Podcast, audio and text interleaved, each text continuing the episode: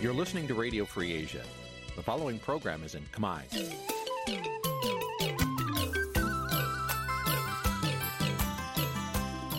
នេះជាកម្មវិធីផ្សាយ Vuthu Azizi Serai នេះជាកម្មវិធីផ្សាយរបស់ Vuthu Azizi Serai ជាភាសាខ្មែរ Vuthu Azizi Serai សូមស្វាគមន៍លោកអ្នកនាងទាំងអស់ពីរដ្ឋធានី Washington នៃសហរដ្ឋអាមេរិក ពីរដ្ឋធានី Washington ខ្ញុំបាទមុងណារ៉េតសូមជម្រាបសួរលោកនាងកញ្ញាអ្នកស្ដាប់ Vuthu Azizi Serai ទាំងអស់ជាទីមេត្រីយើងខ្ញុំសូមជូនកម្មវិធីផ្សាយសម្រាប់ព្រឹកថ្ងៃអង្គារ4រោចខែកដិក ឆ្នាំឆ្លូវត្រីស័កពុទ្ធសករាជ2565ត្រូវនឹងថ្ងៃទី23ខែវិច្ឆិកាគ្រិស្តសករាជ2021បច្ចុប្បន្ននេះសូមអញ្ជើញលោកនាងកញ្ញាស្ដាប់ព័ត៌មានប្រចាំថ្ងៃដែលមានមេត្តាដូចតទៅ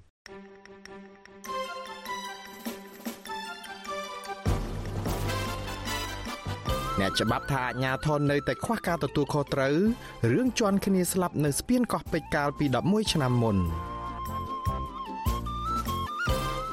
មន្ត្រីឃ្លាំមើលសិទ្ធិមនុស្សស្នើឲ្យអាជ្ញាធរផ្ដល់ព័ត៌មានដែលអាចទុកចិត្តបានករណីគិតកម្មសកម្មជនបពប្រឆាំងលោកស៊ិនខុនអ្នកវិភាគនិងមន្ត្រីបពប្រឆាំងថាលោកហ៊ុនសែនកំពុងតែងាកទៅរកចិនដើម្បីការពារអំណាចផ្ដាច់ការ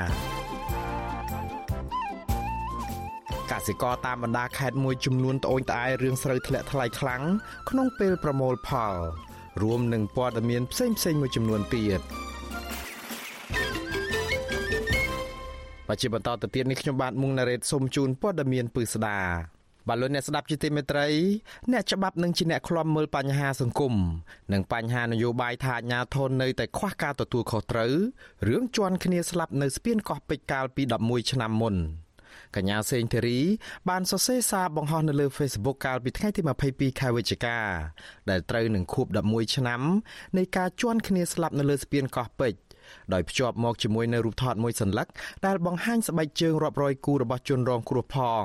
ថាថ្ងៃនោះគម្រប់11ឆ្នាំគត់ នៃព្រឹត្តិការណ៍ជន់គ្នាស្លាប់រាប់រយនាក់នៅលើស្ពានកោះពេជ្រក៏ប៉ុន្តែគ្មាននរណាម្នាក់ចោះចេញពីតំណែងឬក៏ទទួលខុសត្រូវចំពោះការស្លាប់មនុស្សដ៏ច្រើនសន្ធឹកបែបនេះនោះឡើយកាលពី11ឆ្នាំមុនពលគឺនៅថ្ងៃទី22ខែវិច្ឆិកាឆ្នាំ2010នៅក្នុងថ្ងៃបុណ្យអុំទូកមនុស្សជាង350នាក់បានជន់គ្នាស្លាប់និងចំនួនប្រហាក់ប្រហែលនេះទៀតបានរងរបួសមជ្ឈមណ្ឌលសិទ្ធិមនុស្សកម្ពុជាបានស្រង់សម្ដីសាកសីដែលឃើញហេតុការណ៍នេះ ពួកគេថាសោកនាដកម្មនេះកើតឡើងដោយសារមនុស្សច្រើនឆ្លងស្ពានកោះពេជ្រក្នុងពេលតែមួយដែលអាជ្ញាធរអនុញ្ញាតឲ្យប្រជាពលរដ្ឋធ្វើដំណើរបញ្ច្រាស់ទិសគ្នាដោយមិនឲ្យរៀបចំមានផ្លូវឯកទេសដើម្បីបញ្ជៀសភាពកកកុញនឹងការជន់គ្នាស្លាប់នេះសាកសីបន្ថែមទៀតថានៅពេលដែលកើតហេតុនោះមានប៉ូលីសឈរប្រចាំការពី3នាក់នៅត្រង់ស្ពាននោះដែរហើយប៉ូលីសទាំងនោះឯងដែលអនុញ្ញាតឲ្យមនុស្សម្នាធ្វើដំណើរតាមទិសដៅទាំងទៅទាំងមកនេះបើទោះបីជាយ៉ាងនេះក្តីរហូតមកដល់ពេលនេះពុំមានមន្ត្រីណាម្នាក់ រួមទាំងអភិបាលក្រុងភ្នំពេញផងចេញមុខទទួលខុសត្រូវនៅក្នុងរឿងនេះនោះឡើយរីឯតំណាងរដ្ឋាភិបាលវិញក្រោយបង្កើតគណៈកម្មការមួយដើម្បីស្វែងរកមូលហេតុនៃព្រឹត្តិការណ៍ជន់គ្នានោះហើយប្រកាសថាសោកនាដកម្មនោះគឺជាឧបដិហេតុនិងគ្មាននរណាម្នាក់ត្រូវទទួលខុសត្រូវនោះឡើយ ចំណែកឯក្រុមគ្រួសារជនរងគ្រោះវិញក្រៅតែពីទទួលបានលុយកាក់ខ្លះពីសប្បុរសជននិងរដ្ឋាភិបាល ដើម្បីធ្វើបុណ្យសពតាមប្រពៃណីពួកគាត់បានត្រឹមតែដុតធូបឧទ្ទិសកុសលបួងសួងឲ្យវិញ្ញាណក្ខន្ធអ្នកស្លាប់បានទៅកាន់សុគតិភពតែប៉ុណ្ណោះ បលូនអ្នកស្ដាប់ជាទីមេត្រីអ្នកវិភាគនយោបាយនិងមន្ត្រីជាន់ខ្ពស់បកប្រឆាំងរិះគន់លោកនាយរដ្ឋមន្ត្រីហ៊ុនសែនថាកំពុងតែងាកទៅរកចិនកាន់តែខ្លាំងដើម្បីការពារអំណាចផ្ដាច់ការតាមរយៈការប្រើប្រាស់វេទិកាអាស៊ានការរិះគន់នេះធ្វើឡើងក្រោយពេលដែលលោកហ៊ុនសែនបានលើកសរសើរចិនគ្រប់បែបយ៉ាងនៅក្នុងកិច្ចប្រជុំកំពូលពិសេសអាស៊ានចិន កាលពីថ្ងៃទី22ខែវិច្ឆិកាលោកទីនសាការីយ៉ា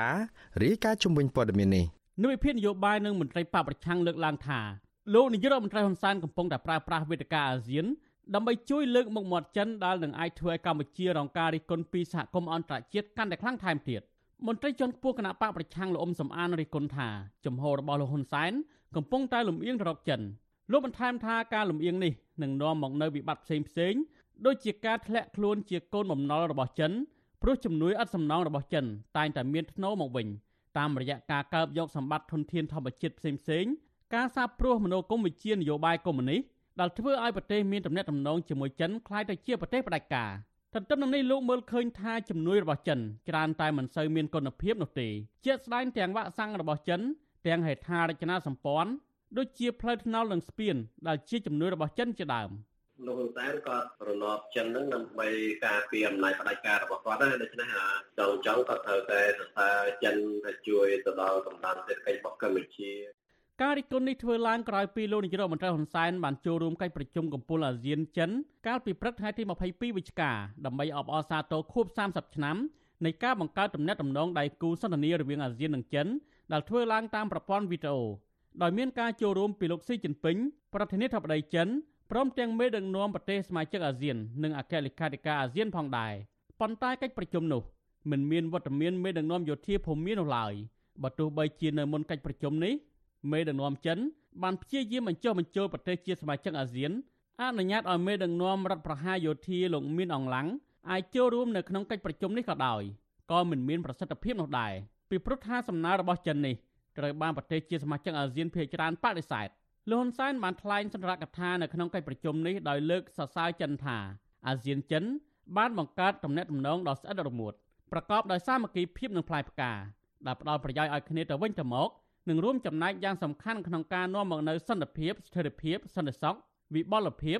និងការអភិវឌ្ឍសង្គមសេដ្ឋកិច្ចប្រកបដោយចីរភាពលោកអះអាងថាទំនាក់ទំនងអាស៊ានចិននឹងក្លាយជាទំនាក់ទំនងមួយដែលកាន់តែសំខាន់និងចាំបាច់ដែលមានអត្ថន័យធំធេងប្រកបដោយផ្លែផ្កា សម្រាប់តំបន់ទាំងពីរក៏ដូចជាសម្រាប់សកលលោកទាំងមូលជាពិសេសការស្ដារកំណើនសេដ្ឋកិច្ចនិងសង្គមឡើងវិញក្នុងស្ថានភាពជំងឺ Covid-19 កិច្ចប្រជុំនោះលោកហ៊ុនសែនបានផ្ដល់អនុសាសន៍មួយចំនួនដើម្បីពង្រឹងទំនាក់ទំនងរវាងអាស៊ានចិនឲ្យកាន់តែប្រសើរឡើងថែមទៀតដូចជាការលើកទឹកចិត្តឲ្យចិនផ្ដល់ជំនួយដល់អាស៊ានជាពិសេសគាំទ្រឲ្យចិនជួយជំរុញកំណើនសេដ្ឋកិច្ចនិងការប្រយុទ្ធប្រឆាំងនឹងវិបត្តិជំងឺ Covid-19 ទាំងក្នុងតំបន់និងពិភពលោក លោកក៏ជំរុញឲ្យចិនធ្វើដំណើរចេញចូលតំបន់អាស៊ាន ដើម្បីលើកស្ទួយវិស័យទេសចរពាណិជ្ជកម្មធុរកិច្ចការដឹកជញ្ជូននិងការវិនិយោគដែរលោកលើកទឹកចិត្តឲ្យអាស៊ានចិនពង្រឹងផែនការតភ្ជាប់ក្នុងតំបន់អាស៊ាននិងគំនិតប្រួយផ្ដាមខ្សែក្រវ៉ាត់នឹងផ្លូវ BRI ដើម្បីបង្កើនប្រសិទ្ធភាពលំហូរទំនិញសេវាកម្មនិងចលនាប្រជាពលរដ្ឋមេដឹកនាំដែលរងការរិះគន់ថាលំអៀងទៅរកចិនរូបនេះបន្តទៀតថាអាស៊ានចិន ក៏បីបន្តប្រកាន់យកប្រព័ន្ធពហុភាគីនិយមដើម្បីជំរុញកិច្ចសហប្រតិបត្តិការលើគ្រប់វិស័យនិងដោះស្រាយរាល់បញ្ហាប្រឈមក្នុងតំបន់និងពិភពលោកដោយសន្តិវិធីព្រមទាំងការគ្រប់គ្រងគំនិតប្រួយផ្ដាមប្រារព្ធខួប20ឆ្នាំនៃការចុះហត្ថលេខាលើសេចក្តីថ្លែងការណ៍ស្តីពីការប្រតិបត្តិរបស់បណ្ដាភាគីនៅសមុទ្រចិនខាងត្បូងក្នុងឆ្នាំ2022ខាងមុខនេះកម្ពុជាក៏សូមអរគុណនិងវេតម្លៃពោះចំពោះចិនដែលបានចូលរួមយ៉ាងសកម្មក្នុងការប្រយុទ្ធ នឹងជំងឺ Covid-19 ការស្ដារនិងជំរុញកំណើនសេដ្ឋកិច្ចឡើងវិញនៅកម្ពុជាក៏ដូចជានៅក្នុងតំបន់និងសកលលោកតើតើនឹងបញ្ហានេះដែរនិវិភាកសង្គមនិងនយោបាយលោកកឹមសុខយល់ថារដ្ឋាភិបាលលហ៊ុនសែនកំពុងតែផ្អៀងទៅរកមហាអំណាចចិនលោកថាបើសិនជាទំនាក់ទំនងនេះធ្វើឡើងក្នុងរូបភាពលើកកម្ពស់សេដ្ឋកិច្ចនឹងមិនផ្ដល់ផលប៉ះពាល់អ្វីទេប៉ុន្តែប្រទេសមួយចំនួនក្នុងតំបន់អាស៊ានដូចជាភូមាឡាវរួមទាំងកម្ពុជាផងបែរជាប្រើប្រាស់ផ្លាអាស៊ាន ធ្វើទំនាក់ទំនងសេដ្ឋកិច្ចជាមួយចិនដោយគ្មានដំណាភាពដូចជាការលាងលុយកខ្វក់តាមរយៈការវិនិយោគទុនរបស់ចិនជាដើមដែលនឹងធ្វើឲ្យមានផលប៉ះពាល់ធំបំផុតចំពោះប្រជាពលរដ្ឋនៃប្រទេសទាំងនោះលើពីនេះលោកកឹមសុខអះអាងថាទំនាក់ទំនងរវាងអាស៊ានចិនដែលមានលក្ខខណ្ឌមិនសមស្របធ្វើឲ្យមានផលប៉ះពាល់ដល់សន្តិសុខតំបន់អាស៊ានជាស្ដែងដូចជាករណីកម្ពុជាលួចផ្ដាល់មូលដ្ឋានទ័ពជើងទឹកដល់ចិនទាំងនៅកំពង់ផែក្រុងប្រសេះហនុនិងកំពង់ផែកោះកុងជាដើម។ លោកហ៊ុនសែនគ្រាន់តែប្រើប្រាស់វេទិកាអាស៊ានប្រើប្រាស់មុខប្រទេសកម្ពុជាអង្គុយលើកៅអីប្រធានអាស៊ានដើម្បីព្យាយាមពង្រីកនៅសក្តានុពលនយោបាយរបស់ខ្លួនក្នុងការការពារមុខមាត់ហើយនឹងរដ្ឋាភិបាលខុសច្បាប់របស់ខ្លួនតែប៉ុណ្្នឹងទេជុំវិញក្តីបារម្ភពីបញ្ហាលំអៀងទៅរកចិននេះមន្ត្រីបកប្រឆាំងនឹងនៃវិភាននយោបាយស្នើឲ្យលោកហ៊ុនសែនរក្សាចំហអព្យាក្រឹតឯករាជ្យទាំងការធ្វើជាប្រធានអាស៊ានក្តី ទាំងការដឹកនាំប្រទេសរបស់ខ្លួនក្តីដោយមិនត្រូវលំអៀងទៅរកប្រទេសមហាអំណាចណាមួយឡើយពិសេសកម្ពុជាក៏មានរដ្ឋធម្មនុញ្ញនិងកិច្ចព្រមព្រៀងសន្តិភាពនៅក្នុងប៉ារីសដែលអាចរក្សាអធិបតេយ្យភាពរបស់ខ្លួនបាននឹងធ្វើឲ្យកម្ពុជាមានទំនាក់ទំនងស្មើមុខស្មើមាត់នៅលើឆាកអន្តរជាតិខ្ញុំទីនសាការីយ៉ាស៊ីសេរីប្រធានី វ៉ាស៊ីនតោនបាទលោកនាងជាទីមេត្រីកសិករតាមបណ្ដាខេត្តមួយចំនួនរអ៊ូរទាំអំពីតម្លៃស្រូវបន្តចុះថោកនៅឆ្នាំនេះធ្វើឲ្យពួកគាត់កាន់តែលំបាកផ្នែកជីវភាពនិងវិបត្តិបំណុលបន្ទាប់ពីរងគ្រោះដោយសារទឹកជំនន់និងជំងឺ Covid-19 តើពលរដ្ឋត្រូវទប់ទល់នឹងស្ថានភាពនេះដោយរបៀបណានិងតើពួកគាត់មានសំណូមពរអ្វីខ្លះដល់រដ្ឋាភិបាល ដើម្បីជួយដោះស្រាយបាទសូមលោកនាងរងចាំស្ដាប់សេចក្តីរាយការណ៍ពិស្ដារជំរឿងនេះ នៅក្នុងការផ្សាយរបស់យើងនាពេលបន្តិចទៀតនេះបាទសូមអរគុណបាទលោកនាងជាទីមេត្រីអ្នកសិទ្ធិមនុស្សជំរុញឲ្យអាជ្ញាធរពាក់ព័ន្ធផ្ដល់ព័ត៌មានឲ្យបានជាក់លាក់ដែលអាចឲ្យសាធារណជនទុកចិត្តបានករណីស្វែងរកឃាតករសម្រាប់សកម្មជនបពប្រឆាំងលោកស៊ិនខុន អ្នកនាំពាក្យសមាគមការពារសិទ្ធិមនុស្សអាត់ហុកលោកសឹងសានករណាមានប្រសាសន៍ថារូបលោកក៏មិនខុសពីសាធារណជនទូទៅដែរគឺមិនទាន់ទុកចិត្តនៅឡើយថាជនសង្ស័យម្នាក់ដែលអាជ្ញាធរចាប់ខ្លួននោះគឺជាជនដៃដល់ពិតប្រាកដដែលធ្វើឃាតលោកស៊ិនខុន លោកថាឆ្លងកាត់បទពិសោធន៍នាពេលកន្លងទៅមានករណីខ្លះអាជ្ញាធរបានចាប់ឃាតករคล้ายคล้ายឬក៏សបនិមិត្តមកបន្លំរីឯឃាតករពិតបន្តរួចខ្លួននៅក្រៅច្បាប់ដូចជាករណីលោកបនសំណាងលោកសុកសំអឿនដែលត្រូវអាជ្ញាធរចាប់ឲ្យទទួលទោសជាឃាតករបាញ់សម្លាប់មេសហជីពល្បីឈ្មោះលោកជាវិជាកាលពីឆ្នាំ2004ក៏ប៉ុន្តែក្រោយមកការពិតត្រូវបានលាតត្រដាងថាពួកគេជាឃាតករសបនិមិត្ត ឃើញឯករណីដូចជារឿងបូនសំណាងសុកសំអឿនអញ្ចឹងអឺកន្លងមកគាត់សារភាពអីអញ្ចឹងដែរហើយបន្ទាប់មកក៏ឃើញថាក្រោយពីមានការបើកសវនាការឲ្យឃុំខ្លួនគាត់យូរទៅទៅជាគាត់បាននិយាយការពិតរឿងផ្សេងវិញការពិតរបស់គាត់គឺគាត់អត់បានប្រព្រឹត្តទេយើងនឹងមានការតាមដានហើយ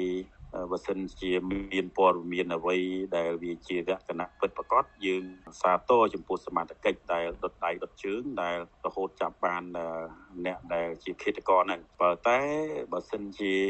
រឿងហ្នឹងវាមិនមែនជារឿងមួយដែលអាចទុកចិត្តបានហើយរឿងហ្នឹងវាមិនមែនជារឿងពិតអានោះក៏ជាបញ្ហារបស់សមត្ថកិច្ចដែរ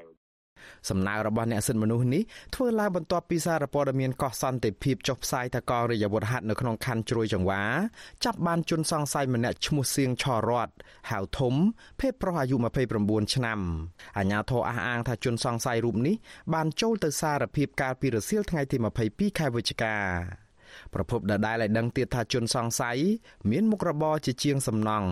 រស់នៅភូមិមួយសង្កាត់ជ្រោយចង្វាខណ្ឌជ្រោយចង្វា បើតាមកសែតកោះសន្តិភាពដដែលជនសង្ស័យសារភាពថាបានប្រើកំបិតផ្គាក់កាប់សម្លាប់លោកស៊ិនខុនដោយសារតែខឹងនឹងជនរងគ្រោះដែលស្រវឹងទៅលោឡានៅកន្លែងជួសជុលម៉ូតូរបស់ប្អូនប្រុសជនសង្ស័យវិទ្យុអាស៊ីសេរីមិនទាន់អាចសាកសួរព័ត៌មានបន្ថែមពីអ្នកនាំពាក្យកងរាជអាវុធហត្ថលើផ្ទៃប្រទេសលោកអេងហ៊ីបាននៅឡើយទេកាលពីយប់ថ្ងៃទី22ខែវិច្ឆិកាដោយសារតែទូរស័ព្ទចូលច្រើនដងតែគ្មានអ្នកទទួល លោកសឹងសានករណីថាសាធារណជននឹងតាមដានរឿងនេះហេតុនេះអាជ្ញាធរត្រូវធានាថាបានចាប់អ្នកដៃដល់ពិតប្រាកដដើម្បីរក្សាទំនុកចិត្តចំពោះអាជ្ញាធរតកតងនឹងទំនុកចិត្តទៅលើចំណាត់ការរបស់អាជ្ញាធរនេះសាច់ញាតិរបស់ជនរងគ្រោះបញ្ជាក់ប្រាប់វិទ្យុអាស៊ីសេរីថានឹងនាំគ្នាទៅជួបអាជ្ញាធរពាក់ព័ន្ធនៅព្រឹកថ្ងៃទី23ខែវិច្ឆិកានេះដើម្បីតាមដានរឿងនេះបន្ថែមទៀតក្មួយស្រីជនរងគ្រោះអះអាងថាលោកស៊ិនខុនមិនចេះផឹកស្រា និងមិនដែលមានទំនាស់នឹងអ្នកណានោះដែរ យុវជនគណបកសង្គ្រោះជាតិលោកស៊ិនខុនអាយុ31ឆ្នាំត្រូវបានជន់មិនស្គាល់មុខមួយក្រុមព្រួតកាប់ត្រូវជាច្រើនកំបិតនៅលើដងខ្លួនបណ្ដាលឲ្យដាច់ជើងមួយចំហៀងត្រឹមផ្លូវនៅមាត់ទន្លេក្បែរវត្តចាស់សង្កាត់ជ្រោយចង្វានៅឯខណ្ឌជ្រោយចង្វាកាលពីវេលាម៉ោង1យប់ឈានចូលថ្ងៃទី21ខែវិច្ឆិកានៅត្រង់ក្បាលនិងខ្នងសាកសពមានស្នាមកបិតកាប់ដាច់ជាច្រើនកន្លែងដែរ កាលពីថ្ងៃទី12ខែឧសភាឆ្នាំ2011លោកស៊ិនខុនក៏ធ្លាប់ត្រូវបានជន់ដៃដល់មានគ្នា4នាក់កាន់ដំបងទីបនឹងដៃរលាស់វាយលោកត្រូវក្បាលបែកចិញ្ចើមខាងស្ដាំនិងបាក់ឆ្អឹងដៃឆ្វេងហូរឈាមស្រោចពេញខ្លួនដេ12ធ្នេម្ដងរួចមកហើយអ្នកសិទ្ធិមនុស្សនិងសាច់ញាតិជនរងគ្រោះចាត់ទុកករណីឃាតកម្មនេះថាអាចជាប់ពាក់ព័ន្ធនឹងរឿងនយោបាយព្រោះលោកស៊ិនខុនសកម្មនៅក្នុងការគ្រប់គ្រងគណៈបកសង្គ្រោះជាតិទាំងសកម្មភាពនិងការបញ្ចេញមតិតាមបណ្ដាញសង្គម ជាមួយគ្នានេះលោកតែងតែចូលរួមរាល់ការតវ៉ារបស់សកម្មជនសង្គមនិងការទៅឃ្លាំមើលសវនាការលើសកម្មជននិងសមាជិកគណៈបពប្រឆាំងនៅខាងមុខតុលាការជាដើម។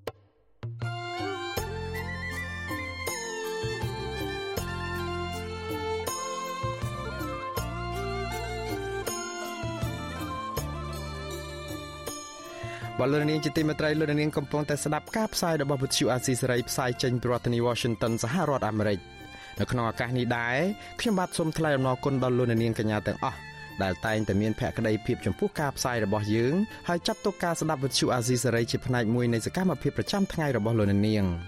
ការគ្រប់គ្រងរបស់លោកនាងនេះហើយដែលធ្វើឲ្យយើងខ្ញុំមានទឹកចិត្តកាន់តែខ្លាំងក្លាថែមទៀតនៅក្នុងការស្វែងរកនិងផ្តល់ព័ត៌មានជូនលោកនាង មានអ្នកស្ដាប់អ្នកទស្សនាកាន់តែច្រើនកាន់តែធ្វើឲ្យយើងខ្ញុំមានភាពស្វាហាប់មោះមុតជាបន្តទៅទៀតយើងខ្ញុំសូមអរគុណទុកជាមុនហើយសូមអញ្ជើញលោកនាងកញ្ញាចូលរួមជំរុញឲ្យសកម្មភាពផ្តល់ព័ត៌មានរបស់យើងនេះកាន់តែជោគជ័យបន្ថែមទៀតលោកនាងអាចជួយយើងខ្ញុំបានដោយគ្រាន់តែចុចចែករំលែកឬក៏ Share ការផ្សាយរបស់យើងនៅលើបណ្ដាញសង្គម Facebook និង YouTube ទៅកាន់មិត្តភ័ក្តិដើម្បីឲ្យការផ្សាយរបស់យើងបានទៅដល់មនុស្សកាន់តែច្រើនបាទសូមអរគុណ បលូននាងជាទីមេត្រីមេធាវីការពារក្តីឲ្យមេឃុំគណៈបកប្រឆាំងបញ្ជាក់ថាលោកស្រីឡាញ់ថាវរីដែលអាជ្ញាធរថៃបានចាប់បញ្ជូនតាមការស្នើសុំរបស់រដ្ឋាភិបាលលោកហ៊ុនសែននោះបច្ចុប្បន្នត្រូវបានតឡាការសម្រេចឃុំខ្លួនបដិអាសន្ននៅពន្ធនាគារព្រៃសរមកពីហើយកាលពីរសៀលថ្ងៃទី21ខែវិច្ឆិកា មន្ត្រីសង្គមស៊ីវិលសោកស្ដាយនឹងថ្កោលទោសចំពោះទង្វើរបស់រដ្ឋាភិបាលថៃនិងកម្ពុជាដែលកំពុងតែរំលោភសិទ្ធិមនុស្សធ្ងន់ធ្ងរនិងមិនអាចទទួលយកបានឡើយបាទលោកមានរិទ្ធមានសេចក្តីរាយការណ៍លម្អិតជំនាញព័ត៌មាននេះតុលាការក្រុងភ្នំពេញបានសម្រេចឃុំខ្លួនមេឃុំជាប់ឆ្នោតគណៈបកសង្គ្រោះជាតិប្រចាំឃុំរស័យក្រោកស្រុកមង្គលបុរីខេត្តបន្ទាយមានជ័យនៅក្នុងពន្ធនាគារព្រៃសរមកពីជាបណ្ដោះអាសន្នហើយ ដោយពុំទាន់អនុញ្ញាតឲ្យជួបជុំក្រុមគ្រួសារនិងមេធាវីនៅឡើយទេ បន្ទាប់ពីអាជ្ញាធរថៃបានចាប់បញ្ជូនលោកស្រីជាបញ្ញត្តិឲ្យអាជ្ញាធរខ្មែរតាមច្រកព្រំដែនអន្តរជាតិប៉ោយប៉ែតកាលពីថ្ងៃទី20ខែវិច្ឆិកាមេធាវីការពីក្តីឲ្យលោកស្រីឡាញ់ថាវរីគឺលោកសំសកុងប្រាវិសុយស៊ីស្រីថា តឡាការក្រុងភ្នំពេញបានចោទប្រកាន់កូនក្តីរបស់លោកពីបទញុះញង់បង្កឲ្យមានភាពវឹកវរធ្ងន់ធ្ងរដល់សន្តិសុខសង្គមតាមមាត្រា494និង495នៃក្រមព្រហ្មទណ្ឌនិងបានបញ្ជូនលោកស្រីទៅឃុំខ្លួននៅក្នុងពន្ធនាគារព្រៃសរមកពីកាលពីរសៀលថ្ងៃទី21ខែវិច្ឆិកា លោកក្រុងជួបកូនក្តីនៅក្នុងពន្ធនាគារនៅថ្ងៃទី23ឬ24វិច្ឆិកាខាងមុខនេះដើម្បីជជែកជុំវិញករណីអាញាធរថៃចាប់បញ្ជូនខ្លួនឲ្យអាញាធរកម្ពុជាវិញនិងអង្គហេតុមួយចំនួនទៀតលើសពីនេះទៀតលោកនឹងដាក់លិខិតការពីសិទ្ធិកូនក្តីទៅតុលាការនិងដាក់ពាក្យសុំនៅក្រៅឃុំបណ្ដោះអាសន្នពីព្រោះលោកយល់ថាបទចោទប្រកាន់នេះ តឡាការគួរឲ្យលោកស្រីឡាញ់ថាវរីនៅក្រៅឃុំជាបណ្ដោះអាសន្នលោកស្រីឡាញ់ថាវរីនេះត្រូវបានតឡាការសម្រេចគុំទួតកាលពីថ្ងៃទី21ខែ11ឆ្នាំ2021នេះនៅរសៀលគាត់ថាការពីម្សិលមិញណាគាត់ថាជួនពីថៃឲ្យចូលប្រទេសមិនទេបានឃើញមកដល់ភ្នំពេញហើយដោយសារយើងមានបនលើជើទៀតគឺការម្សិលមិញបានទៅដល់ពុទ្ធនីគាបៃតមក2ហើយនឹងទូដាក់សុំនៅការគុំទីកសន្និតាបត់ចោលប្រព័ន្ធឲ្យទៅបត់តំណែង លោកស្រីឡាញ់ថាវរីគឺជាមេឃុំជាប់ឆ្នោតគណៈបកសង្គ្រោះជាតិនៅឃុំរិស័យក្រោកស្រុកមង្គលបុរីខេត្តបន្ទាយមានជ័យកាលពីឆ្នាំ2017ហើយលោកស្រីបានរស់នៅភៀសខ្លួននៅក្នុងប្រទេសថៃអស់រយៈពេលជាង4ឆ្នាំនិងត្រូវបានទទួលស្គាល់ឋានៈជាជនភៀសខ្លួនដែលឧត្តមស្នងការអង្គការសហប្រជាជាតិទទួលបន្ទុកជនភៀសខ្លួន ឬ UNHCR ប្រចាំនៅប្រទេសថៃ អាញាធរថៃបានចាប់ខ្លួនលោកស្រីកាលពីថ្ងៃទី19ខែវិច្ឆិកានិងបញ្ជូនទៅកម្ពុជាវិញតាមច្រកព្រំដែនអន្តរជាតិប៉ោយប៉ែតកាលពីព្រឹកថ្ងៃទី20ខែវិច្ឆិកាប្តីរបស់លោកស្រីឡាញ់ថាវរីគឺលោកផិនរ៉ាដងរៀបរាប់ថាលោកព្រួយបារម្ភជាខ្លាំងអំពីសុខទុក្ខប្រពន្ធនៅក្នុងពន្ធនាគារជាពិសេសអំពីសុខភាពរបស់គាត់ដែលកើតជំងឺរលាកសួតរ៉ាំរ៉ៃដែលត្រូវការការយកចិត្តទុកដាក់ព្យាបាលពីក្រុមគ្រូពេទ្យជាប្រចាំ។ លោកចាត់ទុកការសម្រេចរបស់តុលាការគឺជារឿងអយុត្តិធម៌បំផុត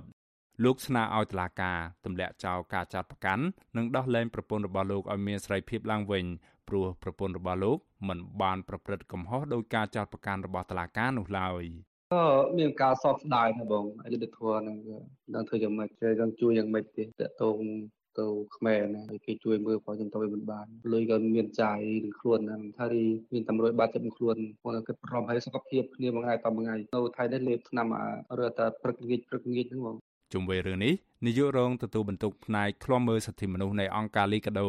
លោកអំសំអាតថ្លែងថាសង្គមស៊ីវិលសោកស្ដាយដែលតឡាការសម្រេចឃុំខ្លួនស្ត្រីសកម្មជនគណៈបពប្រឆាំងនៅពេលនេះ លោកថាសហគមន៍ជាតិនិងអន្តរជាតិនៅតែចាត់ទុកការចាប់និងឃុំខ្លួនសកម្មជនគណបកប្រឆាំងជាបន្តបន្ទាប់គឺជាសារគំរាមកំហែងនិងរដ្ឋបិទលើសេរីភាពផ្នែកនយោបាយដែលត្រូវបានធានាដោយរដ្ឋធម្មនុញ្ញនិងបទដ្ឋានសិទ្ធិមនុស្សអន្តរជាតិ បញ្ហាស្ថានភាពសិទ្ធិមនុស្សនៅក្នុងប្រទេសកម្ពុជាហ្នឹងគឺយើងជាអង្គការសង្គមស៊ីវិលដែលធ្វើការផ្នែកសិទ្ធិមនុស្សជាតិដោយអង្គការអន្តរជាតិក៏ដូចជាក្រុមប្រឹក្សាសិទ្ធិមនុស្សក៏ដូចជាអ្នកជំនាញរបស់ក្រុមប្រឹក្សាសិទ្ធិមនុស្សអង្គការសហប្រជាជាតិហ្នឹងគឺមានតម្លៃថាស្ថានភាពសិទ្ធិមនុស្សនៅកម្ពុជាហ្នឹងវាមានការធ្លាក់ចុះរួចទៅហើយជាពិសេសគឺទាក់ទងនឹងសិទ្ធិពលរដ្ឋសិទ្ធិនយោបាយនឹងតែម្ដងដែលមានការធ្លាក់ចុះខ្លាំងណាក្រៅពីលោកស្រីឡាញ់ថាវរី កាលពីពេលថ្មីថ្មីនេះអាជ្ញាធរថៃក៏បានចាប់ខ្លួនសកម្មជនគណបកប្រឆាំង2នាក់ដែរដែលមានឋានៈជាជនភៀសខ្លួន គឺលោកវឿងសំណាង និងលោកវឿនវាសនាហៅក្រញូងព្រៃឡង់បញ្ជូនឲ្យអាជ្ញាធររដ្ឋាភិបាលលោកហ៊ុនសែនហើយតុលាការបានចោទប្រកាន់ពួកគេទាំងពីរពីបទរួមគំនិតក្បត់ដោយដាក់ពន្ធនាគារព្រៃសរផ្នែកបរោះពាក់ព័ន្ធទៅនឹងការចាប់បញ្ជូនជនភៀសខ្លួនដែលជាសកម្មជនគណបកប្រឆាំងទៅកាន់ប្រទេសកម្ពុជាវិញជាបន្តបន្ទាប់នេះ អង្គការឃ្លាំមើលសិទ្ធិមនុស្សអន្តរជាតិ Human Rights Watch និងឧត្តមស្នងការអង្គការសហប្រជាជាតិទទួលបន្ទុកសិទ្ធិជនភៀសខ្លួនឬ UNHCR ប្រចាំនៅប្រទេសថៃសម្ដែងការសោកស្ដាយនិងថ្កោលទោសចំពោះរដ្ឋាភិបាលថៃនិងកម្ពុជា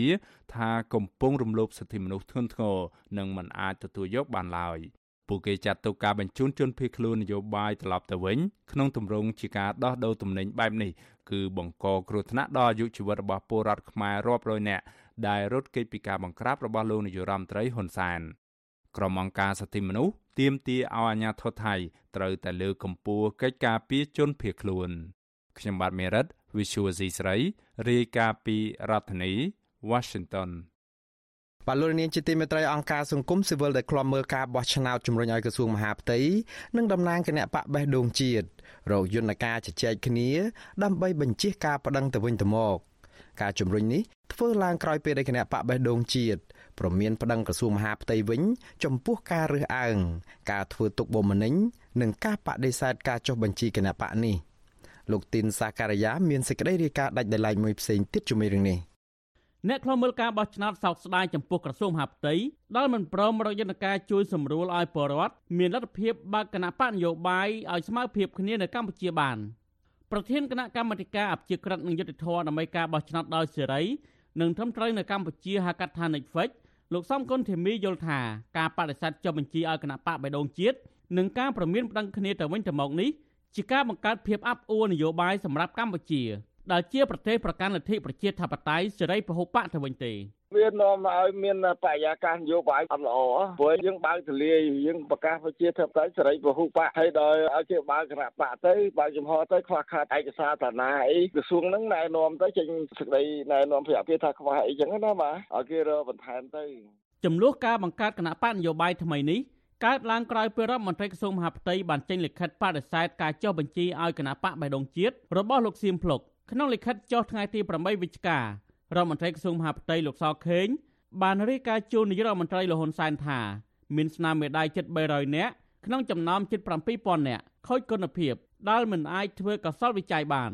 រួមទាំងមានស្នាមមេដាយមិនប្រក្រតីធ្ងន់ធ្ងរចំនួន5នាក់ផ្ដិតលើឈ្មោះបុគ្គលចំនួន21នាក់ទៀតបន្ថែមពីនេះក្រសួងមហាផ្ទៃក៏ប្រកាសប្តឹងស្ថាបនិកគណៈបកបៃដងជាតិទៅតុលាការពីករណីបន្លំស្នាមមេដាយនេះដែរតែទៅនឹងករណីនេះ គណៈបកបៃដងជាតិបានចេញសេចក្តីថ្លែងការណ៍នៅថ្ងៃទី22វិច្ឆិកាបង្ហាញការសោកស្ដាយចំពោះក្រសួងមហាផ្ទៃដែលបដិសេធការសុំចុះបញ្ជីនិងការចោទប្រកាន់មកលើគណៈបកនេះគណៈបកបៃដងជាតិអះអាងថាស្នាមមេដាយដែលខ្លួនបានដាក់ជូនទៅក្រសួងមហាផ្ទៃមានចំនួនតែជាង4600នាក់មិនមែនជាង4700នាក់ដោយការអះអាងរបស់ក្រសួងមហាផ្ទៃនោះទេមួយវិញទៀតក្រសួងមហាផ្ទៃគួរតែណែនាំឲ្យគណៈបកបៃដងជាតិ កែសម្រួលករណីស្នាមមេដាយតាមលក្ខន្តិកៈច្បាប់ពលគឺមិនមែនប្តឹងទៅតុលាការនោះទេគណៈបកបៃដងជាតិចាត់ទុកការចោទប្រកាន់របស់ក្រសួងមហាផ្ទៃថា មានចរិតនយោបាយក្នុងការគម្រាមកំហែងគណៈបកនេះក៏កំពុងពឹងពាក់មេធាវីឲ្យជួយរៀបចំឯកសារប្តឹងទៅតុលាការកំពូលដើម្បីតវ៉ាចំពោះសេចក្តីសម្រេចរបស់ក្រសួងមហាផ្ទៃដែលមិនព្រមចុះបញ្ជីឲ្យគណៈបកនេះដែរសមាជិកក្រុមហ៊ុនមេធាវី BBC លោកសំសកុងឲ្យដឹងថា លោកនិងមេធាវីជុងជងីបានទទួលយកការពឹងពាក់ផ្នែកផ្លូវច្បាប់ពីតំណាងគណៈបកបៃដងជាតិរួចហើយលោកបន្តថាមេធាវីទាំងពីរនាក់កំពុងសិក្សានិងរៀបចំបណ្ដឹងហើយទំនងជានឹងអាចដាក់ពាក្យបណ្ដឹងទៅតុលាការនៅសប្តាហ៍ក្រោយ។ ក្រមមេធាវីការពារកំពុងតែរៀបចំសិក្សាតកតទៅនឹងច្បាប់ជាតិនិងអន្តរជាតិក៏ដូចជាអង្គហេតុក៏ដូចជាផុសតាមផ្សេងផ្សេងដើម្បីរៀបចំបណ្ដឹងដាក់ជូនទៅតុលាការកំពូលដើម្បីតុលាការកំពូលនឹងធ្វើការពិនិត្យឡើងវិញអំពីសេចក្តីសម្រេចរបស់ក្រសួងមហាផ្ទៃតកតងបដិសេធមិនឲ្យគណៈបព្វេដងជាតិចុះបញ្ជីនៅក្នុងក្រសួងមហាផ្ទៃនឹងនេះគឺជាករណីដំបូងមកអស់ហើយដែលក្រសួងមហាផ្ទៃប្រកាសប្តឹងស្ថាបនិកគណៈបកនយោបាយរឿងសុំចុះបញ្ជីលិខិតដាច់ដライមួយទៀតរបស់លោកសខេង ប្រាប់ដល់លោកសៀមភ្លុកកាលពីថ្ងៃទី16វិច្ឆិកាបញ្ជាក់ថាហេតុផលដែលក្រសួងមហាផ្ទៃបដិសេធការចុះបញ្ជីដោយសារតែមានករណីបន្លំស្នាមមេដៃនិងមានខ្លឹមសារមួយចំនួននៃលក្ខន្តិកៈគណៈបកបៃដងជាតិផ្ទុយពីច្បាប់ស្ដីពីគណៈបកនយោបាយទោះជាយ៉ាងណាលោកសខេងមិនបញ្ជាក់ថាខ្លឹមសារផ្ទុយនឹងករណីស្នាមមេដៃនេះខុសគ្នាត្រង់ណាខ្លះនោះទេច្បាប់ស្ដីពីគណៈបកនយោបាយមាត្រា19ចែងថាដើម្បីទទួលបានសុពលភាព គណៈបកនយោបាយត្រូវមានសមាជិកយ៉ាងតិចណាស់4000នាក់មកពីបណ្ដាខេត្តនិងក្រុងមួយចំនួនទាំងច្បាប់ស្ដីពីគណៈបកនយោបាយនិងច្បាប់ស្ដីពីវិសោធនកម្មច្បាប់ស្ដីពីគណៈបកនយោបាយមិនបានចែងលម្អិតពីករណីឆ្នាំមេដៃនេះទេតែនៅត្រង់មាត្រា22មាត្រា24និងមាត្រា25នៃច្បាប់គណៈបកនយោបាយចែងបើកផ្លូវឲ្យក្រសួងមហាផ្ទៃ អាចបដិសេធការចុះបញ្ជីគណៈបកនយោបាយបានករណីមិនបានបន្ថែមសំណុំឯកសារនានាឲ្យស្របតាមរដ្ឋធម្មនុញ្ញច្បាប់នយោបាយនិងច្បាប់នានាតាមការស្នើសុំរបស់ក្រសួងក្នុងករណីនេះគណៈបកនយោបាយនៅតែមានសិទ្ធិប្តឹងទៅក្រមរក្សាធម្មនុញ្ញហើយក្រោយពេលក្រមរក្សាធម្មនុញ្ញពិនិត្យមើលភាពត្រឹមត្រូវរបស់សំណុំឯកសាររួចក្រសួងមហាផ្ទៃត្រូវចុះបញ្ជីឲ្យគណៈបកនយោបាយនោះភ្លាមខ្ញុំទីនសាការីយ៉ាអសិសរីប្រធានីវ៉ាស៊ីនតោន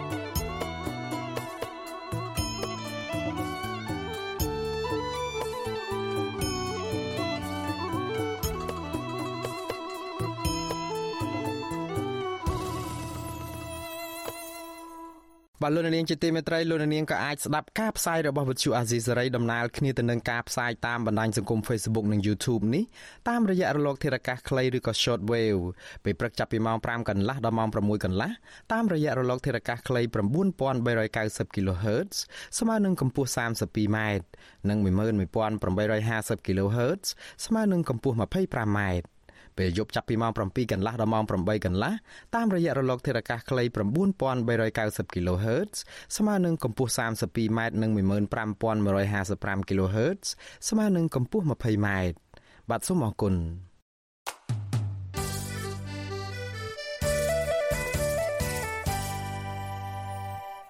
បាទលោកអ្នកស្ដាប់ជាទីមេត្រីងាកមកព័ត៌មានអំពីជំងឺ Covid-19 វិញកាលពីម្សិលមិញអ្នកស្លាប់ដោយសារតែជំងឺនេះបានកើនឡើងដល់ជាង2905អ្នកហើយក្រោយពីអ្នកជំងឺចំនួន5អ្នកទៀតបានស្លាប់នៅក្នុងនោះមាន3អ្នកមិនបានចាក់វ៉ាក់សាំងចំណែកឯករណីឆ្លងវិញក្រសួងសុខាភិបាលប្រកាសថាមាន37អ្នកដែលជាលទ្ធផលបញ្ជាក់ដោយម៉ាស៊ីនពិសោធន៍ PCR ក៏ប៉ុន្តែតួលេខនេះមិនរាប់បញ្ចូលលទ្ធផលដែលពិនិត្យតាមឧបករណ៍តេស្តរហ័សឬក៏ Rapid Test នោះទេគិតមកត្រឹមព្រឹកថ្ងៃទី22ខែវិច្ឆិកាម្សិលមិញនោះដែរកម្ពុជាមានអ្នកកើតជំងឺ Covid-19 ជិត120,000នាក់នៅក្នុងនោះអ្នកជាសះស្បើយមានជាង110,000នាក់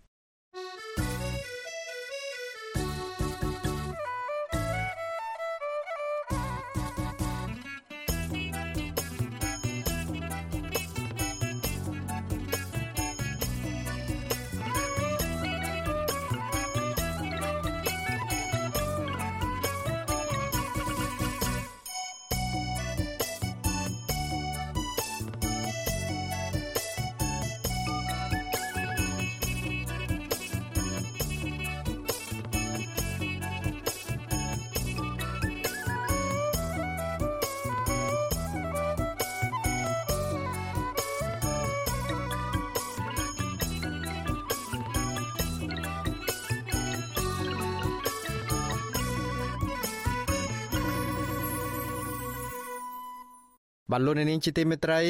តកតងនឹងការនាំផលិតផលខ្មែរចេញទៅក្រៅប្រទេសឯនោះទៅវិញ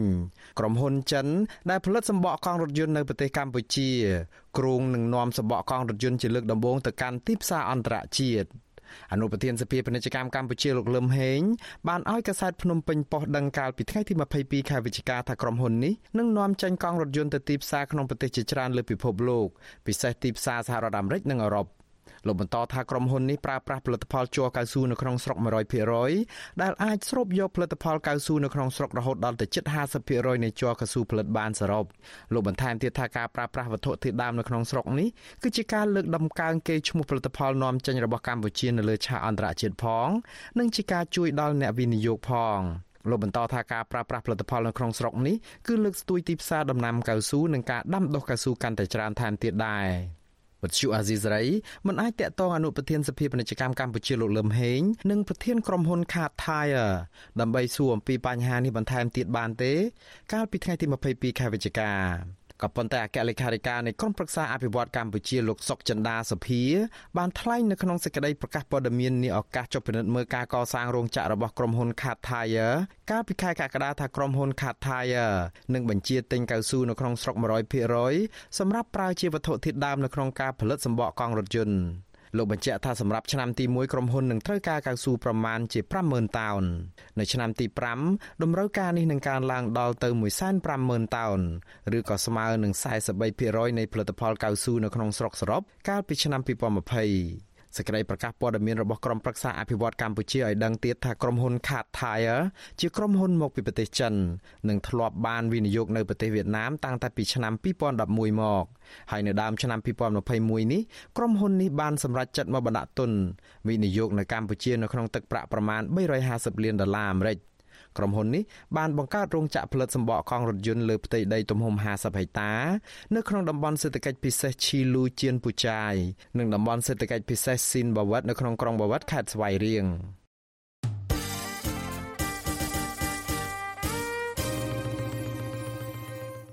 បលូននាងជាទីមេត្រីកសិករតាមបណ្ដាខេត្តមួយចំនួនរអ៊ូរទាំអំពីដំឡៃស្រូវបន្តចុះថោកនៅឆ្នាំនេះ ធ្វើឲ្យពួកគាត់កាន់តែលំបាកផ្នែកជីវភាព និងវិបត្តិបំណុលបន្ទាប់ពីរងគ្រោះដោយសារទឹកជំនន់និងវិបត្តិដោយសារតែជំងឺ Covid-19 ពលរដ្ឋមួយចំនួនបានបង្ខំចិត្តលក់ស្រូវក្នុងតម្លៃថោកដើម្បីសងបំណុលធនាគារបាទសូមលោកនាងស្ដាប់សេចក្តីរាយការណ៍របស់អ្នកស្រីសុជីវីជុំវិញរឿងនេះក្រុមពលរដ្ឋរស់នៅខេត្តព្រះវិហារខេត្តបាត់ដំបងនិងខេត្តសៀមរាបអស់សង្ឃឹមចំពោះការបង្កបង្កើនផលដោយសារស្រូវឆ្នាំនេះ នៅតែបន្តធ្លាក់ថ្លៃខ្លាំងធ្វើឲ្យពួកគាត់មិនអាចធូរស្រាលផ្នែកជីវភាពនិងរួចផុតពីវិបត្តិបំណុលនោះទេកសិកររស់នៅស្រុកបាណន់ខេត្តបាត់ដំបង លោកញឹមគៀតប្រាប់វិទ្យុអាស៊ីសេរីកាលពីថ្ងៃទី22ខែវិច្ឆិកាថាឲ្យតែដល់រដូវប្រមូលផលកសិកម្មតម្លៃស្រូវគឺចុះថោកជារៀងរាល់ឆ្នាំ ធ្វើឲ្យកសិករខ្លះបោះបង់មុខរបរធ្វើស្រែនិងខ្លះទៀតលក់ដីស្រែធ្វើចំណាក់ស្រុក លោកថាស្រូវផ្ការំដួល1គីឡូក្រាមតម្លៃត្រឹមតែ700រៀលបើធៀបនឹងឆ្នាំមុន មានតម្លៃជាង1000រៀលលើសពីនេះគ្រួសារលោកធ្វើស្រែលើផ្ទៃដី7ហិកតាប៉ុន្តែខូចខាតអស់ជាង3ហិកតាដោយសារទឹកជំនន់នៅឆ្នាំនេះលោកបន្តថាកសិករភៀកច្រើននៅខេត្តបាត់ដំបងរងគ្រោះដោយទឹកជំនន់ខូចខាតស្រូវមួយចំនួន និងខ្លះទៀតខូចខាតទាំងស្រុងហើយនៅពេលនេះតម្លៃកសិផលចុះថោកថែមទៀត នឹងធ្វើឲ្យពួកគាត់កាន់តែលំបាកផ្នែកសេដ្ឋកិច្ចប៉ះពាល់ធ្ងន់ធ្ងរមែនទេបងឆ្នាំនេះរួមតែលុយសងឲ្យថ្លៃជីថ្លៃអីគេសឹងតែគ្រប់បងឆ្នាំនេះធ្វើធ្វើជាពាក់គេគេថាធ្ងន់ធ្ងរទៅឆ្នាំនេះវាស្រូវអត់មានទីផ្សារអញ្ចឹងតាហើយញាក់ញាក់ក៏ស្ដាប់លូម្នាក់ម្នាក់ថាធ្វើខាត់កម្លាំងទៅបើបើទៅចំណាក់ស្រុកទៅប្រទេសគេគ្រាន់បើជាងណាមួយយើងគ្រោះគ្រោះអាចំនួនទឹកនឹងវាផងហើយបានផលតិចហើយស្រូវថោកវានេះធ្ងន់ធ្ងរមែនទែនហើយរួមឆ្នាំនេះកសិករដដែលបន្ថែមថា ប្រសិនបើតម្លៃស្រូវផ្ការំដួលនិងស្រូវផ្កាម្លិះតម្លៃចាប់ពី1200រៀលឡើងទៅ ហើយស្រូវធម្មតាលក់បានតម្លៃ1000រៀលឡើងទៅទើបពួកគាត់អាចទទួលបានប្រាក់ចំណេញសមរម្យដើម្បីដោះស្រាយជីវភាពរីឯកសិករនៅខេត្តព្រះវិហារលោកលូតសាំងត្អូញត្អែថាបើទោះបីជាតម្លៃស្រូវចុះថោកក្តីក៏កសិករខ្លះនៅតែបង្ខំចិត្តលក់ស្រូវចេញជាបន្ទាន់ដើម្បីដោះស្រាយជីវភាព និងសងបំណុលគេ លោកថាកសិកររស់នៅស្រុកត្បៃមានជ័យធ្វើស្រូវបានផលច្រើននៅឆ្នាំនេះប៉ុន្តែតម្លៃស្រូវមិនគប់ប្រសើរដែលមិនធ្វើឲ្យពួកគាត់សប្បាយចិត្តនោះទេលោកបន្ថែមថាក្រមឈ្មួញបានបញ្ចុះតម្លៃស្រូវតាមចិត្តដោយក្នុង1គីឡូក្រាមចាប់ពី700រៀលទៅ800រៀលដែលបង្កឲ្យមានផលប៉ះពាល់ដល់ជីវភាពរបស់កសិករប៉ុន្តែជាជំរឿសចុងក្រោយរបស់គាត់អ្នកខ្លះគាត់ច្រូតម៉ាស៊ីនច្រូតអីទៅ គាត់អត់មានលុយឲ្យម៉ាស៊ីនអញ្ចឹងគាត់ត្រូវការលក់ហ្មងហើយយើងមើលថាតម្លៃទីផ្សារវាថោកមែនតើឥឡូវនេះណាហ្មងតកតងនឹងម៉ាស៊ីនច្រូតម៉ាស៊ីនអីក៏គាត់ឡើងថ្លៃអីអញ្ចឹងមើលទៅមួយឆ្នាំមួយឆ្នាំគាត់ធ្វើ3 4 5 6ហាត់ភាគច្រើនគាត់បានតែឲ្យតែថ្លៃម៉ាស៊ីនថ្លៃអីច្រូតទៅគាត់អស់លីគាត់មានសល់អីទេស្រដៀងគ្នានេះដែរកសិករនៅស្រុកអង្គរធំខេត្តសៀមរាបលោកសៀមវ៉ាន់ឲ្យដឹងថា ស្រូវផ្ការំដួលអាចលក់បានតែ1000រៀលនៅក្នុង1គីឡូក្រាមខុសពីឆ្នាំមុនដែលមានតម្លៃពី1300រៀលទៅដល់1500រៀលលោកថាកសិករធ្វើកសិកម្មប្រឈមនឹងឧបសគ្គជាច្រើនរួមមាន គ្រោះរាំងស្ងួត គ្រោះទឹកជំនន់ជីឡើងថ្លៃនិងត្រូវចំណាយធនធានច្រើនព្រោះត្រូវជួលគេឲ្យច្រូតស្រូវហើយនៅគ្រាដែលស្រូវចុះថោកនឹងធ្វើឲ្យពួកលោកបាក់ទឹកចិត្តដោយសារតែខាត់បងច្រើន។ កម្មនេះគឺត្រូវវាអត់កើតគ្រប់គ្នាផងជួនកាលបាញ់ស្មៅរួចវារៀងពុតនៅត្រូវចូលងាប់ដល់ពេលងាប់ហើយមានកើតរួចស្មៅលើងហើយបាទគ្រូសាខ្លះណាស់ក៏បានគ្រូសាណាស់ក៏អត់ត្រូវក៏លក់ថោវាប៉ះផ្ទាល់ទាំងអស់បាទប៉ះផ្ទាល់ទៅផ្ទៃជីសំខាន់បើត្រូវអត់កើតហើយទៅពឹងមួយទៀតជារៀងយើងនោះវាវាពិបាកចិត្តអត់ត្រង់ប៉ុណ្ណេះហេបាក់ចិត្តត្រង់អាធនាគារអត់មានរដ្ឋណាមកជួយអត់មានរដ្ឋាភិបាលណាមកជួយមានថាមុខទំនិញអុយអុយជារៀងឲ្យអាចទូធាបានទេពិបាក វិទ្យុអស៊ីសេរីដែលមិនទាន់អាចតេតតអ្នកនាំពាក្យក្រសួងកសិកម្មលោកស្រីវុធីដើម្បីសុំបំភ្លឺជុំវិញការត្អូញត្អែរបស់ក្រុមកសិករនេះបាននៅឡើយទេ កាលពីថ្ងៃទី22ខែវិច្ឆិកាចំណែកប្រធានអង្គភិបអ្នកនាំពាក្យរដ្ឋាភិបាលលោកផៃស៊ីផាន និងប្រធានសហព័ន្ធស្រូវអង្ករកម្ពុជា លោកសុងសារ៉នក៏មិនអាចតាក់ទងបានដែរនៅថ្ងៃដដែលនោះដោយទូរស័ព្ទហៅចូលច្រើនដងតែគ្មានអ្នកលើក ចំណែកអ្នកនាំពាក្យក្រសួងពាណិជ្ជកម្មលោកសៀងថៃវិញលោកបានប្រាប់អ្នកយកព័ត៌មានវិទ្យុអាស៊ីសេរីឲ្យផ្ញើសំណួរទៅលោកតាមបណ្ដាញសង្គម Telegram ដោយសន្យាថានឹងផ្ដល់ចម្លើយជូនវិញអ្នកយកព័ត៌មានវិទ្យុអាស៊ីសេរីបានផ្ញើសំណួរទៅលោកតាំងពីថ្ងៃទី19ខែវិច្ឆិកាប៉ុន្តែរហូតដល់ថ្ងៃទី22ខែវិច្ឆិកាលោកនៅមិនទាន់ឆ្លើយបំភ្លឺនៅឡើយដោយលើកហេតុផលថារងចាំព័ត៌មានពីប្រធានមន្ទីរខេត្តនីមួយៗសិន ញ៉ៅចូលចូល Telegram ខ្ញុំមកចាំខ្ញុំឆ្លើយទៅវិញព្រោះខ្ញុំកំពុងបើកឡានជុំវិញរឿងនេះអ្នកជំនាញកសិកម្មសង្កេតឃើញថាក្តីកង្វល់របស់កសិករជុំវិញបញ្ហានេះកើតមានជាច្រើនឆ្នាំមកហើយរដ្ឋាភិបាល នៅតែមិនអាចដោះស្រាយបាននៅឡើយទេលើសពីនេះកសិករខ្មែរជាច្រើនអ្នកដែលខ្ចីបុលប្រាក់គេដើម្បីធ្វើស្រែចម្ការត្រូវទទួលរងនឹងការខាតបង់វាន់ក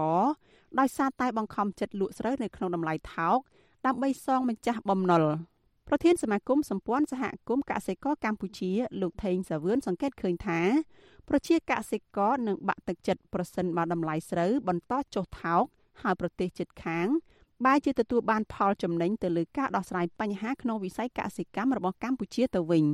លោកផ្ដល់ទស្សនៈថាដើម្បីដោះស្រាយបញ្ហានេះអាស្រ័យនៅលើឆន្ទៈរបស់រដ្ឋាភិបាល និងស្ថាប័នពាក់ព័ន្ធនៅក្នុងការផ្ដល់ទុននិងបច្ចេកទេសកសិកម្មដល់កសិករជាពិសេស សម្រួលឲ្យមានការនាំចេញទៅកាន់ទីផ្សាររដ្ឋចេះតែលើកឡើងថារកទីផ្សារនេះបានដូចជាពាណិជ្ជកម្មសេរីរវាងកម្ពុជានិងប្រទេសចិនអីចឹងនឹងធាតុពិតនៃ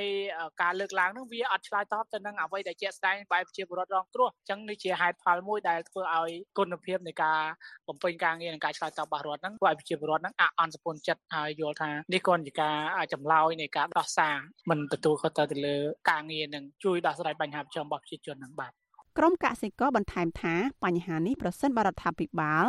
នៅតែមិនរកដំណោះស្រាយបានទេនឹងប៉ះពាល់យ៉ាងខ្លាំងទៅដល់ជីវភាពរបស់កសិករហើយពួកគាត់អាចប្រឈមនឹងលក់ដីស្រែយកប្រាក់សងធនាគារ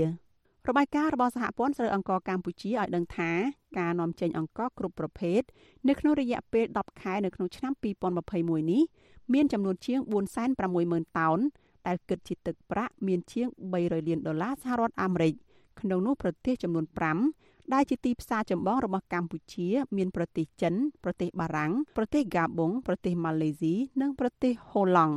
ចំពោះការនាំស្រូវចេញវិញគឺមានបរិមាណជាង2លាន6សែនតោនហើយគិតជាទឹកប្រាក់មានប្រមាណជាង600លានដុល្លារសហរដ្ឋអាមេរិកទន្ទឹមគ្នានេះ សហព័ន្ធស្រូវអង្ករកម្ពុជានិងរដ្ឋាភិបាលកម្ពុជាតែងប្រកាសជារឿយៗដោយផ្ដោតលើការនាំចេញស្រូវអង្ករទៅប្រទេសចិនឲ្យបានកាន់តែច្រើនបន្ទាប់ពីការនាំចេញទៅកាន់ទីផ្សារអឺរ៉ុបធ្លាក់ចុះទោះជាបែបនេះក្តីប្រជាកសិករនិងសង្គមស៊ីវិលដែលធ្វើការពាក់ព័ន្ធនឹងវិស័យកសិកម្មលើកឡើងថាតម្លៃស្រូវអង្ករនៅតែធ្លាក់ចុះខ្លាំងដោយសារតែការនាំចេញទៅកាន់ទីផ្សារអន្តរជាតិជាពិសេសទីផ្សារសហភាពអឺរ៉ុបកាន់តែរួមតូចក្រោយពេលដែលសហភាពអឺរ៉ុប ដកហូតប្រព័ន្ធអនុគ្រោះពន្ធ EBA 20%ពីកម្ពុជាពួកគាត់ជំរុញរដ្ឋាភិបាលរៀបចំនិងអនុវត្តគោលនយោបាយគ្រប់គ្រងវិស័យកសិកម្មឲ្យបានច្បាស់លាស់មិនមែនមានតែនៅលើក្រដាស់ជាពិសេសពង្រឹងទីផ្សារជាមួយសហគមន៍អន្តរជាតិឲ្យកាន់តែទូលំទូលាយបន្ថែមទៀតនាងខ្ញុំសុជីវី Vithu Azizi Saray ពីរដ្ឋធានី Washington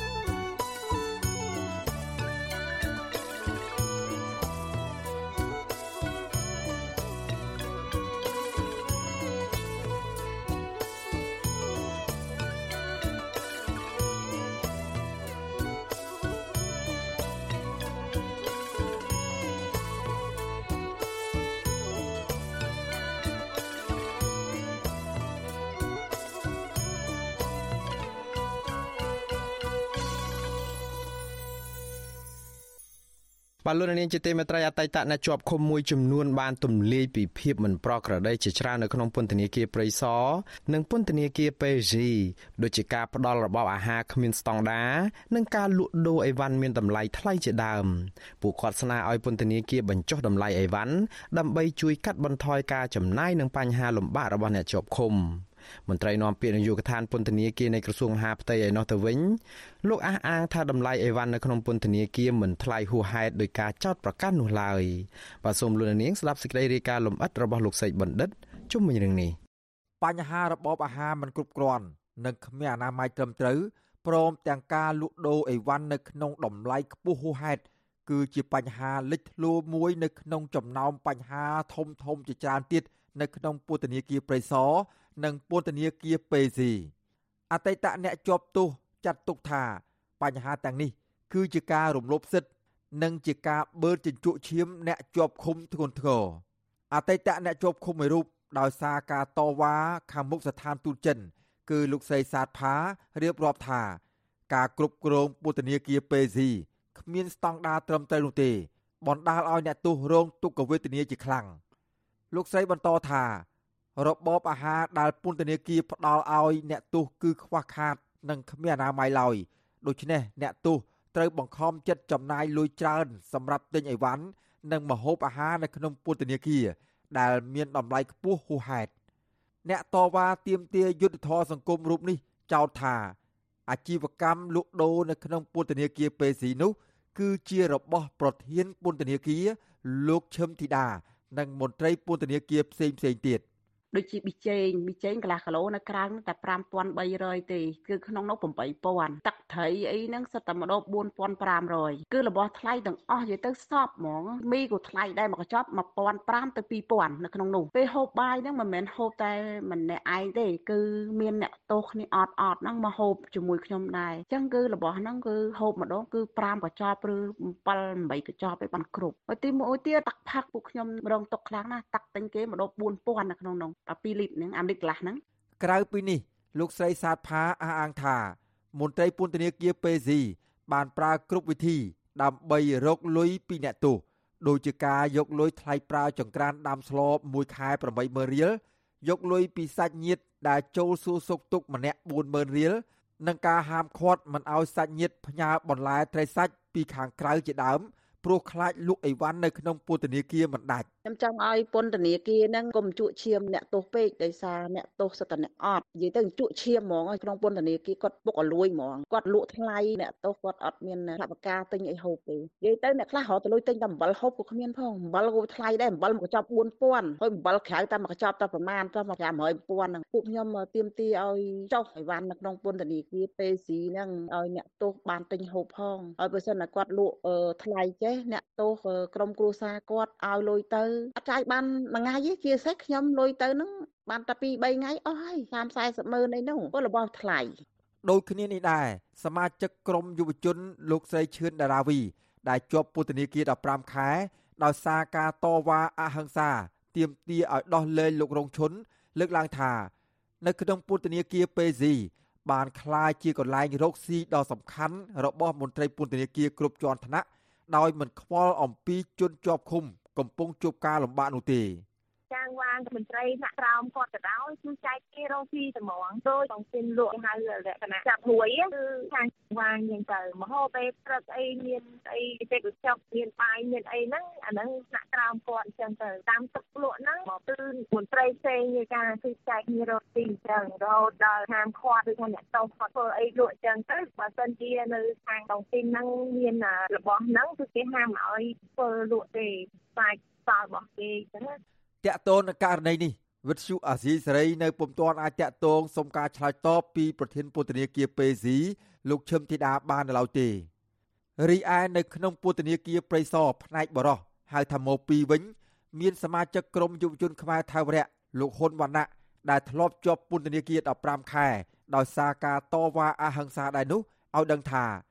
រយៈពេល3ខែចុងក្រោយនេះពន្ធនាគារព្រៃសរម៉ូ2 ហាក់ដូចជាមានការកែប្រែទៅរកភាពល្អប្រសើរច្រើន បន្ទាប់ពីសកម្មជនដែលជាប់ឃុំនាំគ្នាតវ៉ាជាបន្តបន្ទាប់លោកបញ្ជាក់ថា របបអាហារអាចទទួលយកបាន ចំណែកការលក់ដូរអីវ៉ាន់វិញ នៅតែមានតម្លៃខ្ពស់ជាងខាងក្រៅប៉ុន្តែមិនថ្លៃខ្លាំងហួសហេតុនោះទេទោះយ៉ាងណាលោកចង់ឃើញពន្ធនាគារព្រៃសរកែលម្អបន្ថែមទៀត ដូចជាការពង្រឹងការផ្តល់សេវាសុខាភិបាលឲ្យបានត្រឹមត្រូវស្មើភាព និងគ្មានការរើអើងពង្រឹងការផ្តល់ជំនាញវិជ្ជាជីវៈដល់ជនជាប់ឃុំ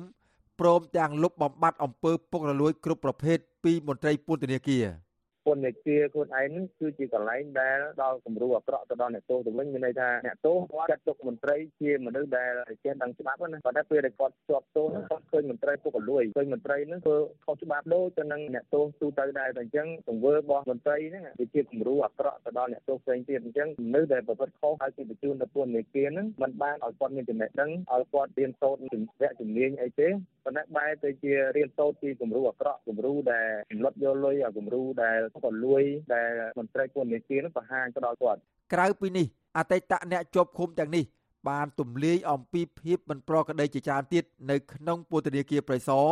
និងពន្ធនាគារពេស៊ីដូចជាលបែងស៊ីសងវាយទាត់ធាក់មានអំពើពុករលួយ ការឃុំអ្នកទោសលើកំណត់ ការផ្ដល់សេវាសុខាភិបាលមិនត្រឹមត្រូវ និងគ្មានការបណ្ដុះបណ្ដាលជំនាញវិជ្ជាជីវៈដល់អ្នកទោសជាដើមពួកគាត់ស្នើសុំឲ្យរដ្ឋាភិបាលជួយកែលម្អស្ថានភាពនៅក្នុងពន្ធនាគារឲ្យបានប្រសើរជាងមុនមាត្រា2នៅក្នុងច្បាប់ស្តីពីពន្ធនាគារឆ្នាំ2012ចែងថាច្បាប់នេះមានគោលដៅអប់រំកែប្រែ និងស្ដារនីតិសម្បទាដើម្បីធ្វើសមាហរណកម្មជនជាប់ឃុំទៅក្នុងសង្គមវិញ និងទប់ស្កាត់បទល្មើសសារជាថ្មី អ្នកនាំពាក្យអគ្គនាយកដ្ឋានពន្ធនាគារលោកដុតសាវណ្ណាឆ្លើយតបថាការលក់ដូរអីវ៉ាន់នៅក្នុងពន្ធនាគារមិនថ្លៃហួសហេតុពេកនោះទេហើយថាវាជាទីផ្សារដែលអ្នកលក់និងអ្នកទិញបានព្រមព្រៀងគ្នាគេអត់មានបខំឲ្យគាត់ទិញណាគេអត់មានបខំឲ្យគាត់ទិញទេណាបើគាត់ចង់ហូបគាត់គិតថាណាអត់បានឲ្យហូបមិនរបបគេចែកឲ្យហូបរាល់ថ្ងៃនេះមិនវិញគេឲ្យគាត់ទីកទួ អឺបាទបើតម្រូវការគាត់ខ្ពស់ពេកហើយរបបគេទូទៅវាអញ្ចឹងឥឡូវធ្វើម៉េចយើងមិនមែនបង្ងើយកតាឥឡូវខ្ញុំសូមបញ្ជាក់រឿងរបបរូបធម្មរបបអាហារហ្នឹងក៏យើងកំពុងតាក់តែងឲ្យមានស្តង់ដារដែរណាកាលពីថ្ងៃទី16ខែវិច្ឆិកាលោកនុតសាវណ្ណាក៏បានចេញសេចក្តីថ្លែងការណ៍ច្រានចោលចំពោះការចោទប្រកាន់របស់សកម្មជនសង្គមទាំងនេះថាធ្វើឡើងដោយចេតនាមិនស្មោះត្រង់និងឆ្លៀតឱកាសកេងចំណេញនយោបាយលោកបញ្ជាក់ថា ពន្ធនាគារជាកន្លែងឃុំឃាំងមនុស្សជាកន្លែងអប់រំកែប្រែអ្នកទោសឲ្យក្លាយជាពលរដ្ឋល្អតែមិនមែនជាកន្លែងរស់នៅសុខស្រួល មានអាហារឆ្ងាញ់ឆ្ងាញ់មានសេវាសុខាភិបាលដូចនៅក្នុងសហគមន៍នោះទេលោកថែមទាំងប្រមានអតីតអ្នកជាប់ឃុំដែលរិះគន់ភាពមិនប្រក្រតីនៅក្នុងពន្ធនាគារនេះថាប្រយ័ត្នប្រឈមនឹងវិធានការច្បាប់ដែលឈានដល់ការនាំខ្លួនមកឃុំនៅក្នុងពន្ធនាគារវិញជាយថាហេតុ ប៉ុន្តែអតីតអ្នកជាប់ឃុំឆ្លើយតបថាអាញាធរពន្ធនាគារគួរតែទទួលស្គាល់ការពិត និងខិតខំកែលម្អចំណុចខ្វះខាតឲ្យប្រសើរឡើង ជាជាងគ្រាន់តែនិយាយការពីនិងលៀបពណ៌អ្នកជាប់ឃុំជាសកម្មជនសង្គមពន្ធនាគារនៅទូទាំងប្រទេសគឺស្ថិតនៅក្រោមការគ្រប់គ្រងរបស់ក្រសួងមហាផ្ទៃដែលមានលោកសខេងជារដ្ឋមន្ត្រីចាប់តាំងពីឆ្នាំ1993មក រយៈពេលជិត30ឆ្នាំមកនេះ ពន្ធនាគារនៅតែត្រូវបានក្រុមអង្គការជាតិនិងអន្តរជាតិរិះគន់ថាគ្មានស្តង់ដារត្រឹមត្រូវបណ្ដាលឲ្យជនជាប់ឃុំរងទុក្ខវេទនានិងរំលោភសិទ្ធិពួកគេធ្ងន់ធ្ងរដោយសារកង្វះការយកចិត្តទុកដាក់របស់លោកសខេងនាយករងទទួលបន្ទុកផ្នែកឃ្លាំមើលសិទ្ធិមនុស្សនៃអង្គការលីកាដូលោកអំសំអាតទទួលស្គាល់ថារបបអាហារនៅក្នុងពន្ធនាគារពិតជានៅមានកម្រិតដូច្នេះអ្នកជាប់ឃុំដែលមានលទ្ធភាព តែងតែចំណាយលុយច្រើនទិញម្ហូបអាហារនៅខាងក្នុងពន្ធនាគារលោកបន្តថាបញ្ហាទំនិញនៅក្នុងពន្ធនាគារថ្លៃនិងបញ្ហារបបអាហារនេះត្រូវបានជន់ជាប់ឃុំរិះគន់ជាយូរមកហើយដូច្នេះលោកយល់ថាពន្ធនាគារគួរតែពិនិត្យនិងដោះស្រាយបញ្ហានេះដើម្បីជួយសម្រួលដល់ជនជាប់ឃុំ អ្នកជាប់ឃុំយើងឃើញថាគាត់អស់សិទ្ធតែតឡាការដែលត្រូវបានដកហូតទេជាពិសេសគឺសិទ្ធដែរហើយហើយនឹងសិទ្ធមួយចំនួនទៀតដែលតឡាការដកហូតក្រៅពីនឹងគឺគាត់មានសិទ្ធដូចពលរដ្ឋដទៃទៀតទទួលបានអាហារគ្រប់គ្រាន់ទទួលបានសេវាសុខភាពទទួលបានការហាត់ ប្រានដើម្បីកាយសម្បទាផ្សេងផ្សេងទៀតគឺសិទ្ធិដូចពលរដ្ឋដតីបាទអញ្ចឹងកាលណាថាយើងលក់តម្លៃខ្ពស់តែវាប៉ះពាល់ទៅដល់ការទិញរបស់គាត់អានឹងក៏ជាការរំលោភសិទ្ធិរបស់គាត់មួយដែរ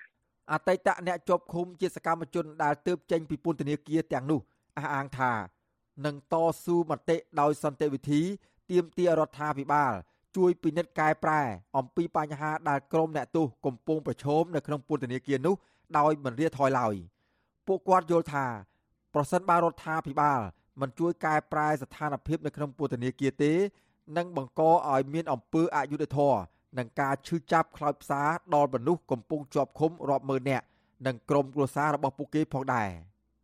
ខ្ញុំបាទសេកបណ្ឌិតវិទ្យុអាស៊ីសេរីពីរដ្ឋធានីវ៉ាស៊ីនតោន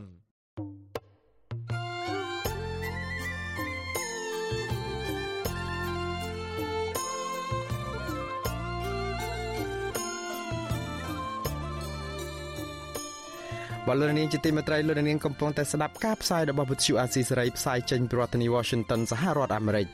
នៅក្នុងឱកាសនេះដែរខ្ញុំបាទសូមថ្លែងអំណរគុណដល់លោកនាងកញ្ញាទាំងអស់ដែលតែងតែមានភក្ដីភាពចំពោះការផ្សាយរបស់យើងហើយចាត់ទុកការស្ដាប់វិទ្យុអាស៊ីសេរីជាផ្នែកមួយនៃសកម្មភាពប្រចាំថ្ងៃរបស់លោកនាង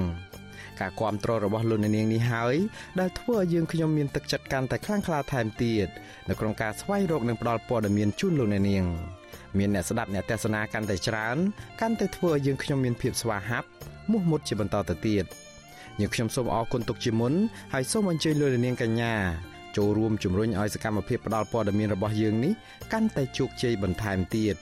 លោកនាងអាចជួយយើងខ្ញុំបានដោយគ្រាន់តែចុចចែករំលែកឬក៏ Share ការផ្សាយរបស់យើងនៅលើបណ្ដាញសង្គម Facebook និង YouTube ទៅកាន់មិត្តភ័ក្តិដើម្បីឲ្យការផ្សាយរបស់យើងបានទៅដល់មនុស្សកាន់តែច្រើនបាទសូមអរគុណ បលូននាងជាទីមេត្រីជាបន្តទៅទៀតនេះខ្ញុំបាទមួងណារ៉េតសូមជូនព័ត៌មានបញ្ចប់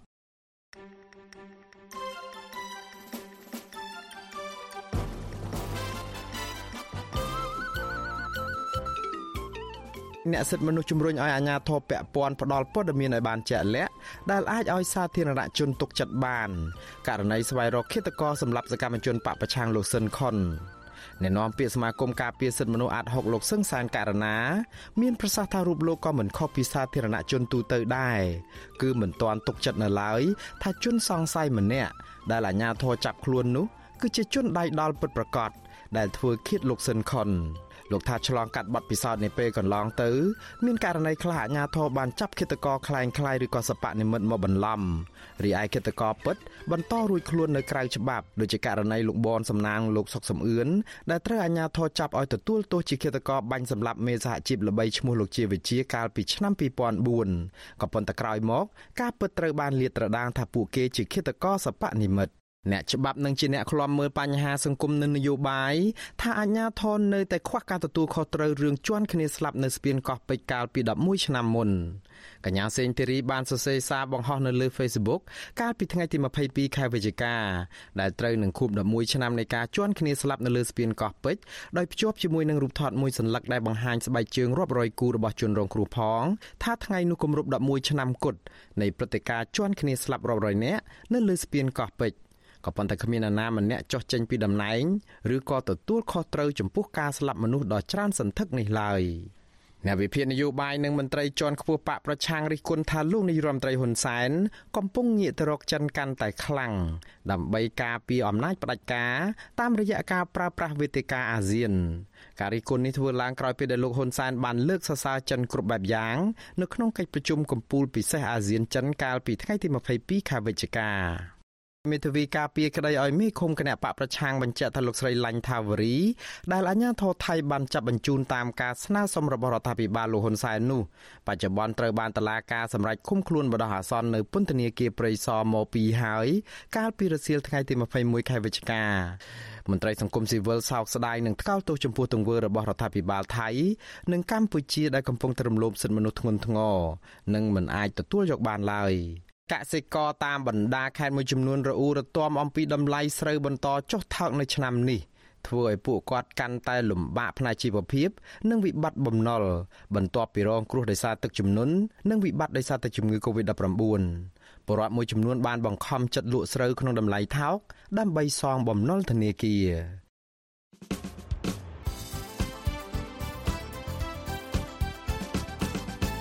បលរនាងកញ្ញាអ្នកស្ដាប់ជាទីមេត្រី ការផ្សាយរយៈពេល1ម៉ោងជាភាសាខ្មែររបស់វិទ្យុអាស៊ីសេរីនៅពេលនេះចប់តែប៉ុណ្ណេះយើងខ្ញុំសូមជូនពរដល់លោកនាងព្រមទាំងក្រុមគ្រួសារទាំងអស់ឲ្យជួបប្រកបតែនឹងសេចក្តីសុខចម្រើនរុងរឿងកុំបីឃ្លៀងឃ្លាតឡើយខ្ញុំបាទមួងណារ៉េតព្រមទាំងក្រុមការងារទាំងអស់នៃវិទ្យុអាស៊ីសេរីសូមអរគុណនិងសូមជម្រាបលា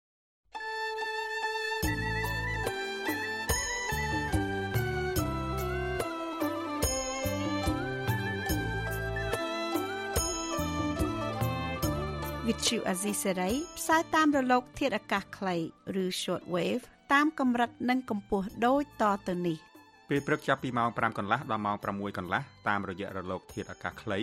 9940 kHz ស្មើនឹងកម្ពស់ 30m ពេលយប់ចាប់ពីម៉ោង7កន្លះដល់ម៉ោង8កន្លះតាមរយៈរលក ធាតុអាកាសខ្លី9960 kHz ស្មើនឹងកម្ពស់ 30m និង11240 kHz ស្មើនឹងកម្ពស់ 25m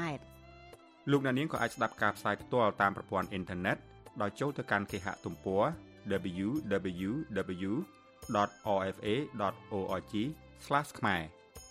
ក្រៅពីនេះលោកអ្នកនាងក៏អាចអាននិងទស្សនាព័ត៌មានវិទ្យុអាស៊ីសេរីលើទូរស័ព្ទដៃរបស់លោកអ្នកផ្ទាល់ សូមលោកអ្នកនាងចូលទៅកាន់បណ្ដាញសង្គម Facebook ដែលមានអាសយដ្ឋាន www.facebook.com/rfa cambodia និង YouTube www.youtube.com/rfa khmer video សូមលោកអ្នកនាងចុច like និងចុច Subscribe ដើម្បីទទួលបានព័ត៌មានថ្មីៗទាន់ហេតុការណ៍និងទស្សនាវីដេអូផ្សេងៗទៀតបានគ្រប់ពេលវេលា